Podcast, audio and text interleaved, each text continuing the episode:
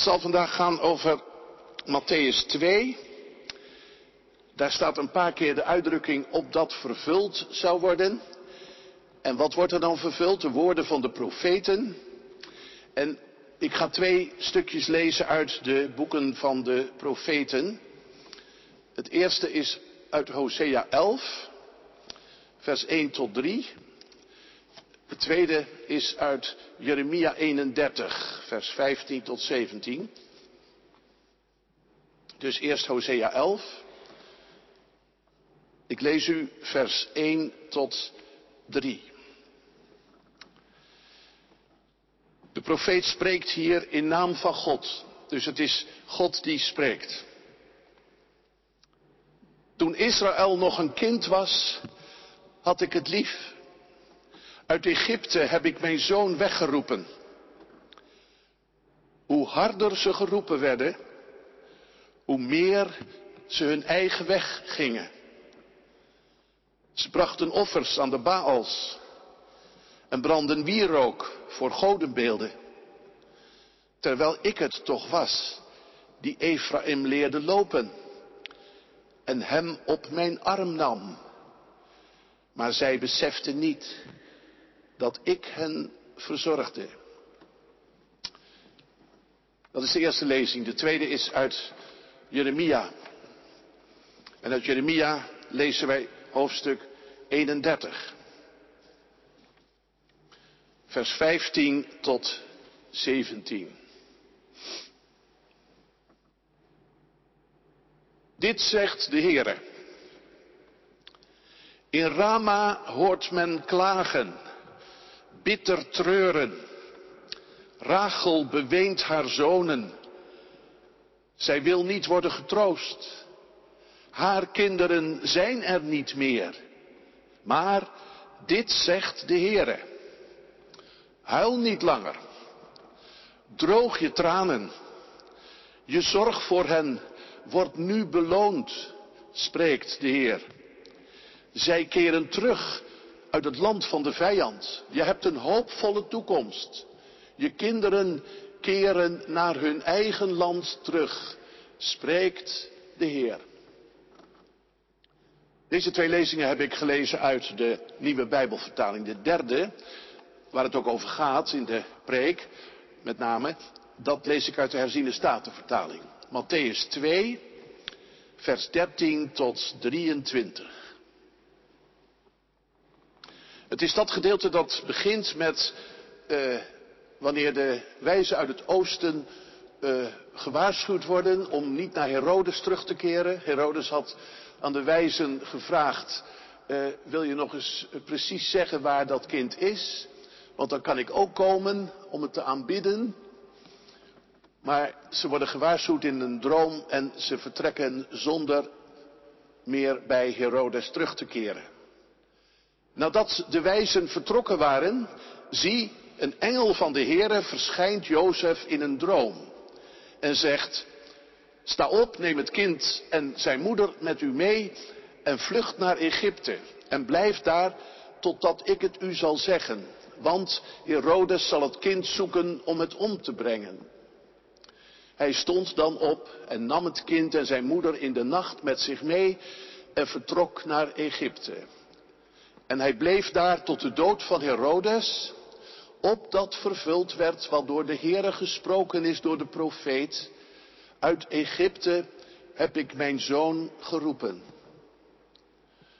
Toen werd Herodes, die zag dat hij door de wijze bedrogen was, verschrikkelijk kwaad. Hij stuurde er soldaten op uit en bracht al de kinderen om die er binnen Bethlehem en in heel dat gebied waren, van twee jaar oud en daaronder, in overeenstemming met de tijd die hij bij de wijzen nauwkeurig nagevraagd had. Toen is vervuld wat gesproken is door de profeet Jeremia. Een stem is in Rama gehoord, geklaag, gejammer en veel gekerm.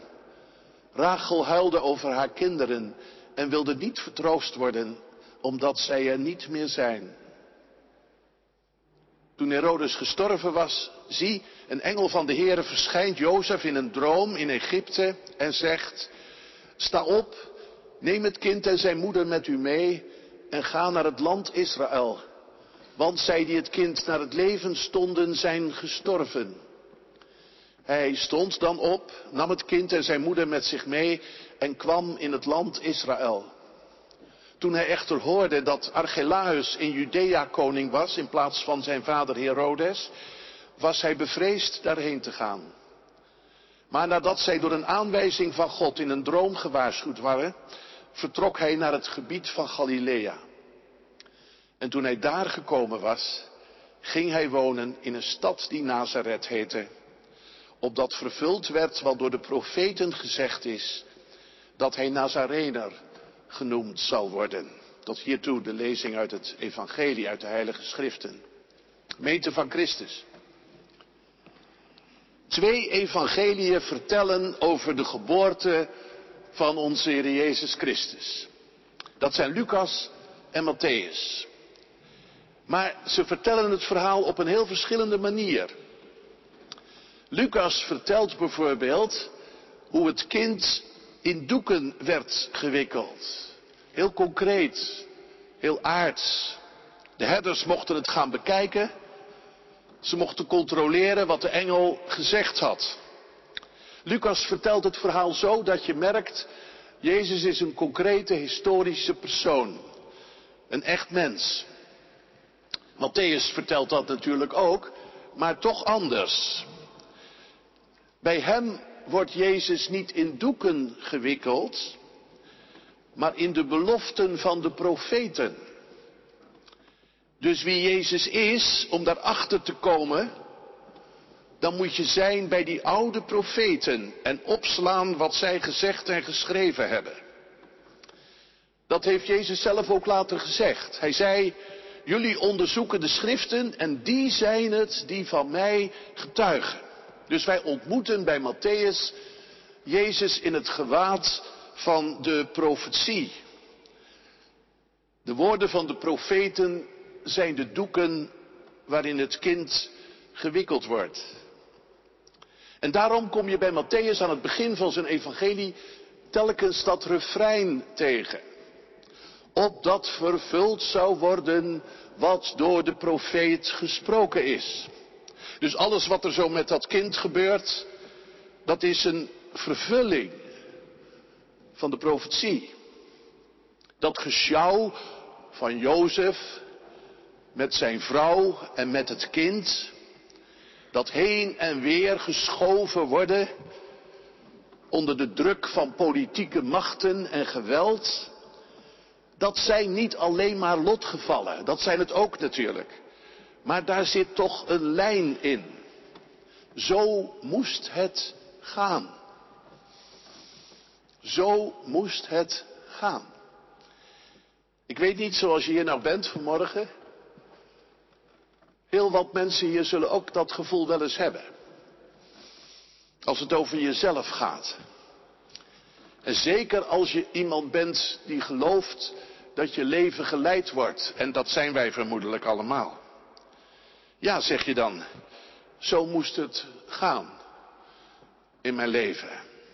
En soms heb je daar ook nog een tekst bij. Een woord uit de profeten of de apostelen. Misschien is het je beleidenistekst. Of een ander woord wat heel sterk naar je toe kwam. Ja, zeg je dan, als je daar nou vandaag eens over nadenkt.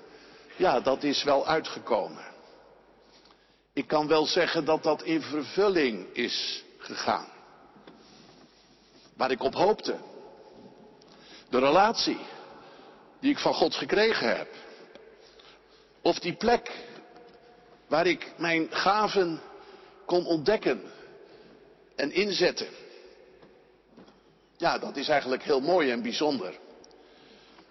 Tenminste, als het allemaal ook goed afloopt. Als de dingen goed aflopen, wonderlijk, dan spreken wij natuurlijk graag over leiding. Maar als het niet goed afloopt, als je teleurgesteld wordt, kun je dat dan ook als leiding zien? Nou, misschien zou je het ook als vervulling kunnen zien. Dat is wel een heel stuk moeilijker, niet? En soms is dat ook helemaal onmogelijk.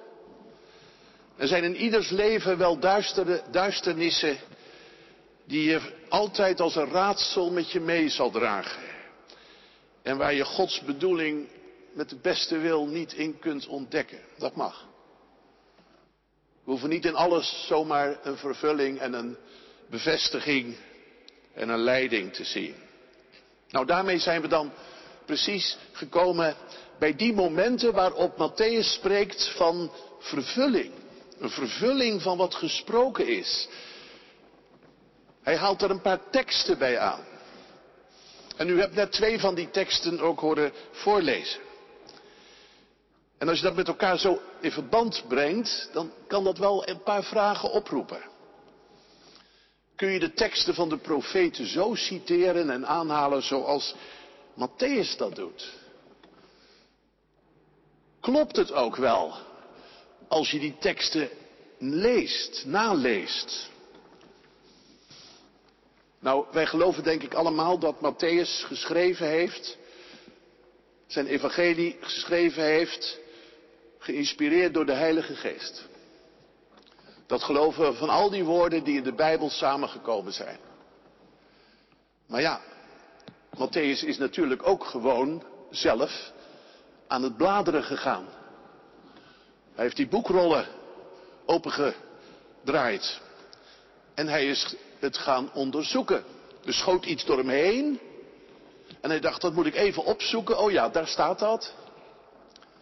En nu gaan wij vanmorgen met behulp van diezelfde Heilige Geest nog even na hoe Matthäus daar nu bij gekomen is.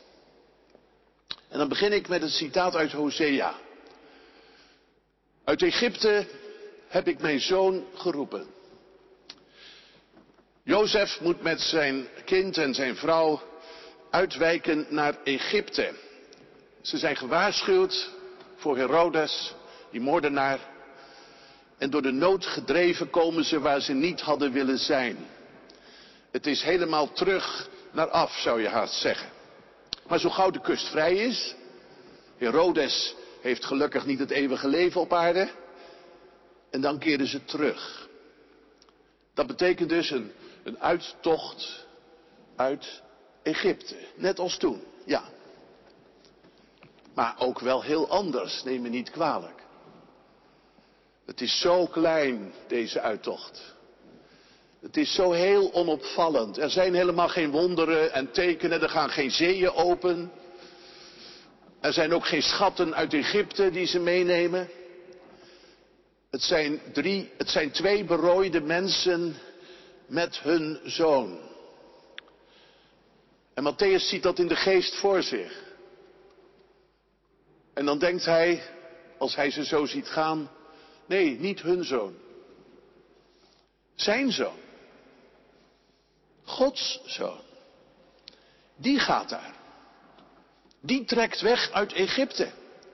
En dan herinnert hij zich een profetie waarin die uitdrukking staat. Uit Egypte heb ik, zegt God, mijn zoon geroepen. Laten we die woorden dan even nader bekijken. In hoofdstuk 11 spreekt Hosea namens God. En hij zegt, toen Israël een kind was, had ik hem lief.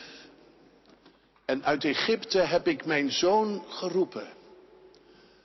Israël, dat geliefde volk van God, dat is dus de zoon die hij uit Egypte bevrijdde. Ik leerde hem lopen, zegt God. Maar ze liepen bij mij vandaan. Hoe harder ik riep, hoe harder ze wegriepen. Ze beseften niet dat ik het was die voor hen zorgde. En je hoort in die woorden bij de profeet de teleurstelling en de verontwaardiging van God. Dus die woorden, uit Egypte heb ik mijn zoon geroepen, die klinken helemaal niet zo mooi. Die klinken heel teleurgesteld, wrang, boos. Wat gaat hier eigenlijk in vervulling? Als Jezus, de zoon, weggaat uit Egypte, wat gaat er dan eigenlijk in vervulling? Nou laten we om te beginnen zeggen dat als die vervulling komt, dat dan eerst die oude wond weer wordt opengehaald. Een wond die nooit helemaal geheeld is. De ontrouw van Gods geliefde volk. Dat iedere keer weer naar de afgoden ging om daar hun geluk te zoeken. En dat heeft Matthäus ook door de Heilige Geest gezien. Jezus, dat kind, dat daar zo berooid met zijn ouders uit Egypte weggaat, dat is één groot teken van die open wond. De zoon keert terug, geen gejuich. Wat voor Jezus ligt, is één lange lijdensweg. Weet u wat dat woord vervulling betekent? Dat betekent dat in Jezus weg de volheid aan de orde is. Het volle gewicht wat hij moet dragen. Het gewicht van wat Israël, wat Gods volk met God doet. Namelijk dat ze hem verwerpen. Dat moet eerst gezegd worden. Als je spreekt over vervulling. Ja, zeg je, maar die vervulling is toch uiteindelijk iets moois. Als iets vervuld wordt in de Bijbel, dan betekent dat dus, dan betekent dat toch dat het goed komt. Jazeker. Dat betekent het ook. Maar vraag niet hoe. Als je even doorleest in Hosea 11, dat hebben wij net niet gedaan. Maar als je doorleest, dan hoor je de Heere God vanuit zijn diepe teleurstelling en gewond zijn, opeens zeggen, maar hoe zou ik je ooit kunnen prijsgeven? Hoe zou ik je kunnen uitleveren, Israël? Mijn hart wordt verscheurd. Door barmhartigheid word ik bewogen. Ik zal mijn toren laten varen. Ja, daar loopt het op uit. Als de profetie in Jezus, dat kind uit Egypte vertrekkend, vervuld wordt. En als je goed kijkt, dan zie je dat het er al helemaal in zit. Ik hoorde pas geleden iemand zeggen, het was eigenlijk in de consistorie na een dienst, eh, dat Jezus nu dus later de redder zou worden. Hij met kerst wordt hij geboren en later zal hij de redder worden. Goed bedoeld hoor. Maar Jezus is de redder. Al vanaf dat hij in de moederschoot van Maria ontvangen werd, is hij de redder. Want Jezus komt alles dragen van ons leven. Vanaf onze ontvangenis tot en met onze dood. En daarna. En alles wat daartussenin zit. Als kind uit Egypte vertrekt hij. En hij is al helemaal de redder. En hij zal de Exodus voltooien. Door lijden en dood heen. En hij zal het volk van God voor goed bevrijden. Alle woorden van God worden in hem vervuld. De heilsbelofte, maar ook die diepe verontwaardiging. Jezus neemt dat allemaal in zich op. Als kind al. En dan komt dat tweede citaat, dat gaat ook over kinderen. Dat gaat over die brute moordpartij. Op onschuldige kinderen. Matthäus die zit erover te denken, hij moet het opschrijven. Maar hij kan het niet zomaar opschrijven. Hij hoort in zijn geest en door de Heilige Geest het huilen en het jammeren van die moeders. En dan herinnert hij zich Jeremia hoofdstuk 31. En dat haalt hij aan. Wonderlijk. Hij haalt niet Job aan. Hij geeft geen citaat uit klaagliederen. Maar uit Jeremia 31. En dat hoofdstuk, dat is één grote belofte van heil. Het gaat daar over stralende mensen. Over meisjes die dansen. En dan in dat hoofdstuk vol heil en zegen komt even Rachel om de hoek kijken. Rachel, dat is de aartsmoeder van de noordelijke stammen van Israël. Benjamin, met name. En die stammen in het noorden, die zijn weggevoerd door de vijand. Jeremia is daar getuige van geweest. En dan zegt de Heer tegen Rachel, niet huilen. Niet meer huilen. Droog je tranen. Je zonen keren terug. Uit het land van de vijand keren ze terug. Ik geef je een hoopvolle toekomst. Matthäus haalt dat stukje aan. Dat stukje over de huilende Rachel, maar meer niet. En je kunt je eigenlijk afvragen, als je dat een beetje pastoraal zou bekijken hè, vandaag, is dit eigenlijk wel een geschikt citaat als je de moeders van Bethlehem hoort jammeren. God zegt niet jammeren, niet huilen. Mag je dat altijd zomaar zeggen? Matthäus zegt, toen werd vervuld wat gesproken is. Dat woordje vervulling. En dat betekent altijd dat het te maken moet hebben met Jezus. Jezus is dat ene kind dat ontkomt. En de andere kinderen, die zijn het slachtoffer.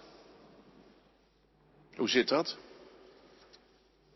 Moesten zij dan sterven om Jezus te laten leven? Nee. Nee, Matthäus laat God hier heel duidelijk buiten. Dit was niet zijn wil. En dat laat hij merken, en dat is in de herziende statenvertaling ook heel duidelijk, en niet in de nieuwe Bijbelvertaling. Bij die andere twee citaten lees je op dat vervuld zou worden. Dus er gebeurde iets met het doel, met de bedoeling opdat het vervuld zou worden. Maar dat staat niet hier. Hier schrijft Matthäus alleen maar, toen is vervuld geworden. Het was niet Gods wil. Maar God laat mensen wel hun gang gaan, ja, dat wel. Maar het is Herodes hoor, niet God. En Herodes draagt ook zijn eigen verantwoordelijkheid en hij gaat zijn eigen gang. Maar zelfs dit afgrijzelijke staat in het licht van de vervulling. En dan is dat citaat toch wel bijzonder. Die vervulling gaat door het ergste heen. Het komt goed, ja. Maar het gaat door het ergste heen. En Jezus gaat dat ergste tegemoet. Daarom zeg ik vandaag, nu het een dag later is en de wereld er gewoon net zo weer bij ligt, alsof het nog geen kerst was. Nu zeg ik vandaag, blijf ook na kerst op dit kind letten. Zijn leven zal niet gespaard worden. Jezus is niet ontkomen om een gelukkig leven tegemoet te gaan. Jezus is ontkomen om te lijden. Alle leed hebt gij geleden. Alle pijn hebt gij doorstaan. Dat is een lijdenslied en dat kan je gerust zingen, ook op de dag na kerst. En zo zal Bethlehem verlost worden. En zo zullen de kinderen van Bethlehem thuiskomen. Bethlehem, de stad van David. Bethlehem, de stad van tranen. Bethlehem, de stad van muren, die daar vandaag staan. Bethlehem, stad van bittere onvrede en van gruwelijke raadsels. Jezus weet wel waar hij geboren moet worden. Jezus weet wel waar hij doorheen moet. En dan het derde. Jozef keert met vrouw en kind, het kind, terug in het land Israël. En dan denk je meteen, als je aan Israël denkt in die periode, dan denk je toch vooral aan Judea. Dat is het, uh, het hartland en het geestelijke centrum. En gezien wie Jezus is, zal hij ongetwijfeld in Jeruzalem geestelijk gevormd gaan worden. Maar hij kan daar niet blijven. Jozef wijkt uit naar de rand. Galilea en Nazareth. Ergens ver weg. Onbekend. Wat kan er uit Nazareth komen? Iets goeds? En zo zal Jezus zijn hele leven bekend zijn. Jezus, de Nazarener, tot op het kruis is dat zijn naam. Dat noemt Matthäus weer een vervulling. Dus moet dus ergens bij de profeten een tekst staan die verbonden kan worden met dat plaatsje Nazareth. Maar die tekst is er niet. En de tekst van de herziene statenvertaling klopt ook niet. Dat is een latere versie. De vroegste handschriften, die zeggen de Nazoreër. Dat is een ander woord. Dat woord gebruikt Matthäus. Jezus de Nazoreër. Dat klinkt een beetje als Nazareth. Dus Matthäus heeft het daarmee in verband gebracht. Maar het is een ander woord. Maar wat betekent dat dan? Ja, daar breken de uitleggers het hoofd over. Ik kan twee oplossingen aan u vertellen. De eerste is een oplossing die u wel kent. Dat er zou moeten staan Nazireer. En ik zou eigenlijk aan de kinderen willen vragen, wat was ook alweer een Nazireer? Moeilijk, moeilijk. Simpson was een Nazireer. Hij mocht zijn haren niet afscheren, afknippen. Hij mocht geen wijn drinken. Een Nazireër, dat is een toegewijde aan God. Iemand die apart gezet wordt in de dienst van God. En dat is Jezus natuurlijk zonder twijfel bij uitstek geweest. Maar een betere uitleg, denk ik, is een andere. En dat is voor ons heel moeilijk. Maar als je Hebreeuws kent. Matthäus schrijft zijn boek, zijn evangelie voor Joodse mensen die Hebreeuws kenden. Dan zouden ze het onmiddellijk herkend hebben. Want in dat woord nazoreer, daar zit neetser in.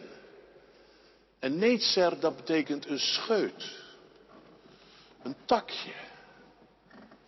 En dan weten wij, ook denk ik allemaal wel, dat er een tekst is in Jesaja.